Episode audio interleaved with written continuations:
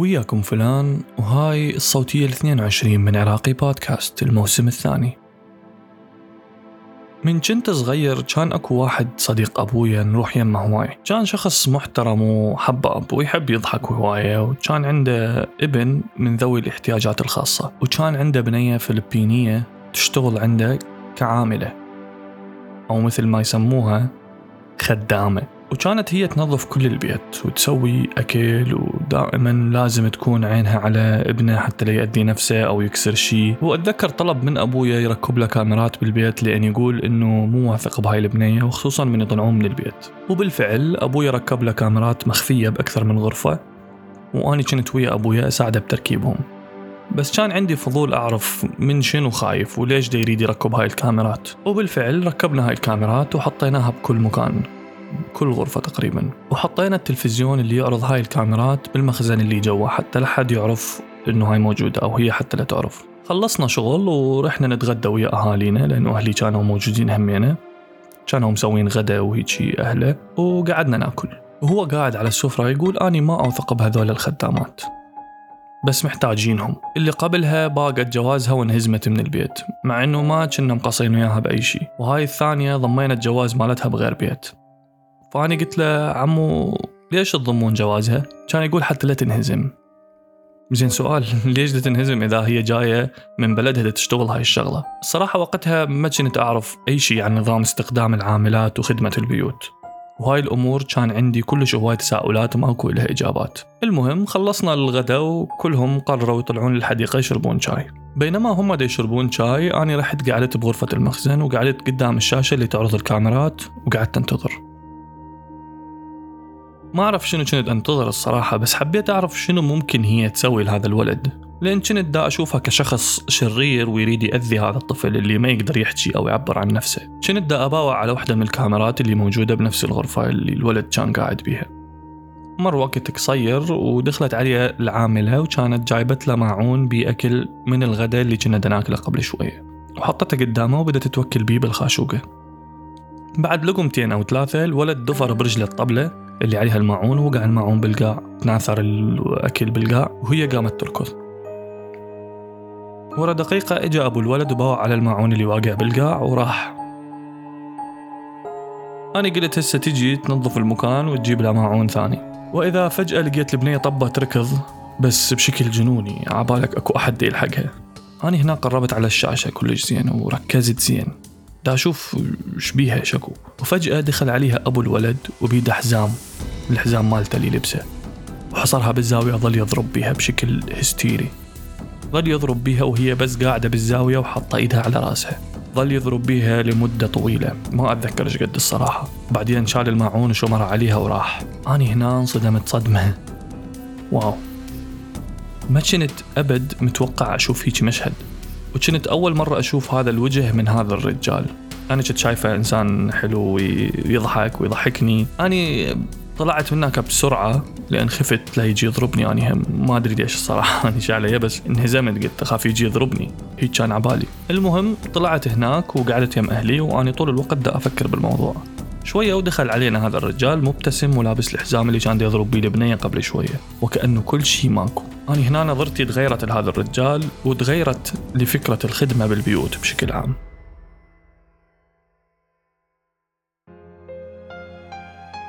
بعد كم سنة من هذا المشهد كنت قاعد بالهول وأمي جاية يمها صديقتها. ودا يسولفون وصديقتها كانت جايبة وياها العاملة مالتها. البنية كانت آسيوية بس ما أعرف من أي بلد الصراحة. وكانت صديقة أمي تجيبها وياها لكل مكان هي تروح له حتى تنظف بيوت صديقاتها وقرايبها وكل الناس. عباك مشترية مكناسة كهربائية وقاعدة تفتر بيها. ولا عبالك هذا الإنسان ممكن يتعب يحتاج يرتاح يحتاج يسوي شيء بحياته غير التنظيف وتنفيذ الأوامر. وبنفس الوقت أنا متأكد إنه العقد ويا الشركة مال العاملات ما كان بيبند إنه يقول العاملة لازم تنظف أي شيء وأي مكان وكل مكان. المهم أول ما إجت صديقة أمي وخدامتها مثل ما يقولون قلت لها يلا قومي نظفي لهم البيت. وهي قامت تنظف. وأول ما قامت العاملة اندارت على أمي صديقتها وقالت ديري بالك لا تبوك شي. لأن شاكة بيها تكون باقت مني سوار ذهب. وكل يوم أضربها وأحقق وياها وهي تقول ما بقت بس أدري بيهم دولة كذابين. يومها خلتها يمنا كم ساعة تنظف وبعدين رجعناها للبيت. بعد كم يوم سمعت شلون تم التعامل ويا الأسوار المختفي اللي صار إنه صديقة أمي خابرت الشركة اللي جابتها وقالت لهم على موضوع الأسوار. والشركة دزت واحد يحقق بالموضوع. من أقول لك يحقق مو معناها راح يحقق مثل الأوادم ويسأل ويتطقس ويدور وإنما استعمل أسلوب التحقيق الهمجي. لزمها وظل يضرب بها بكل مكان ويعذب بها حتى تعترف وين الأسوار. وهي بس تبكي وتقول ما بقت. فجاب ماكينة مال حلاقة وحلق لها شعرها وحواجبها. وهي تبكي وتقول ما بقت. بالأخير رجعوها لبلدها وبعد كم يوم صديقة أمي لقت السوار واقع بالغرفة ورا الكوميدي يعني هي حتى ما دورت زين وإنما خلص قررت تذبها براس هاي البنية المسكينة. اللي فوق المعاملة الزبالة والاستغلال. وسنين حياتها اللي تضيعها بنومة جوا الدرج لو بقاية مطبخ. على مود كم فلس هي ما راح تأخذهن وإنما راح تنطيهن لأهلها. وبالأخير تحصل هيج معاملة. وأنا متأكد إنه من راح ترجع لأهلها أهلها راح يلوموها ويعتبروها مقصرة بحقهم. ما أعرف شلون ممكن الإنسان يسوي هيك بأخوه الإنسان. وحتى ما يفكر بشنو دا يحس هذا الإنسان ويعتبره ملكيته الخاصة ويسوي بيه اللي يريده. وبالأخير يجي واحد يقول لك زمن العبودية انتهى. وهذا اسمه شغل. لا حبيبي هاي عبودية. على منو بدنا نضحك؟ ترى العبودية مستمرة بس بأكثر من شكل وأكثر من مسمى. خلينا متفقين أن العبودية هي عبارة عن مجسم متكون من ثلاث أجزاء. العبد والسيد والمجتمع. وإنت بكل الحالات راح تكون واحد من هاي الأجزاء. وخلينا نبدأ بالجزء الأول وهو العبد. يعني إنت حتى تتوفر عندك خصائص العبد لازم أولا تسمع الكلام وما تناقش. لازم تنفذ وما تفكر. يعني إذا السيد مالك قال لك روح اقتل شخص تروح تقتل شخص. إذا قال لك اشتغل 15 ساعة باليوم تشتغلها وأنت ساكت. إذا قال لك علق تعليق مهين لأخوك الإنسان أنت لازم تسويها. مو مهم بالنسبة لك ليش وشلون. المهم تسمع الكلام.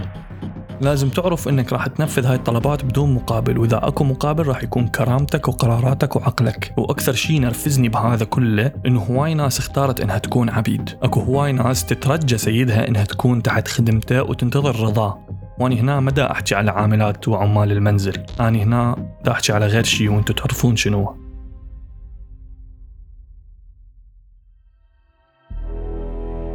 أما الجزء الثاني للعبودية هو السيد. ومن أقول لك السيد هنا أقصد بها الشخص اللي يستعبدك. ممكن يكون موبايلك هو سيدك. ممكن يكون الفلوس اللي تركض وراها هي سيدك. ممكن يكون شخص مشغلك.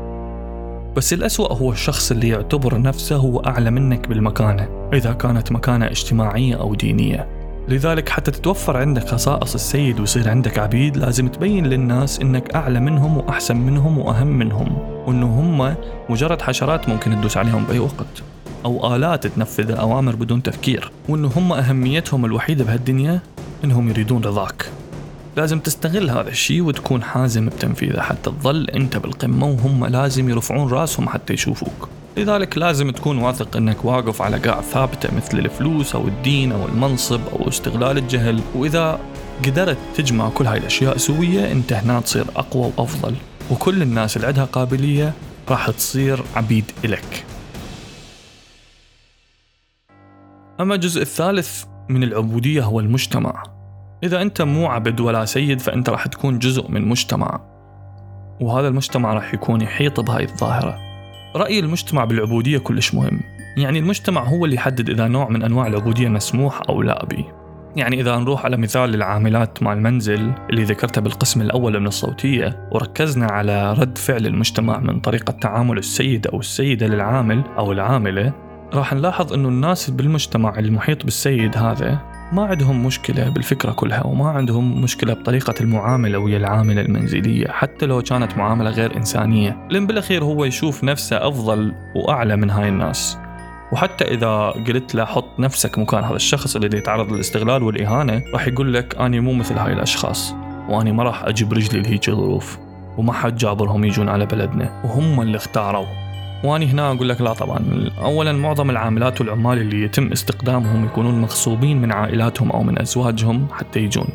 وهذا الجانب مجتمعي هم يعني ويحتاج يتعدل أو ينلغي. أنا أعرف عاملات اذا شهر واحد ما يدزون راتبهم لأهلهم راح تصير لهم مشكلة وراح يعتبرون مقصرين بحق عائلاتهم. لذلك حاول لا تكون الشخص اللي يزودها عليهم ويتجاهل معاناتهم. وطبعا أنت حتقول لي شو أسوي لهم يعني؟ وأنا أقول لك لا تسوي شيء بس إذا عندك أو عندك صديق عنده عامل أو عاملة منزلية لا تستغل هذا الشيء وتطلب من هذا الشخص إنه يعيرك هذا الإنسان حتى ينظف لك بيتك أو من هاي الأمور. وحتى إذا قال لك إذا تريده يجي قل له ماري. وبنفس الوقت لازم ما تسكت إذا تشوفهم يعاملوهم بطريقة غير إنسانية لأن ما حد أحسن من أحد.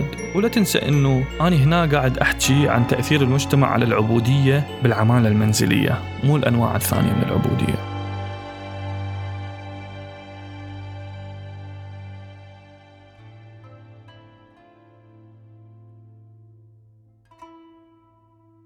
أدري بيك ضعت هسه وما تدري أني هنا دا احكي عن العمالة بالمنازل لو عن العبودية للسياسيين لو العبودية لرجال الدين لو للمال لو للتليفون لو شنو.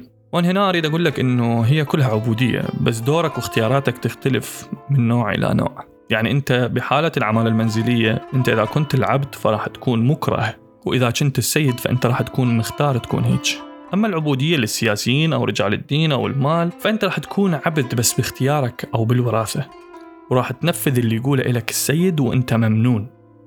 ومن تدرك مدى خطورة هذا الشيء عليك وعلى المجتمع راح تفهم إيش قد خسرت من حطيت نفسك بهذا المكان وراح تعرف إنك على بعد خطوة واحدة من إنك تكون حر مو عبد لأي أحد أو أي شيء. وهنا راح يكون القرار بإيدك إذا تريد تكمل كعبد أو تصير حر وتطلع نفسك من هالدائرة القذرة. الاختيار اختيارك والقرار إلك.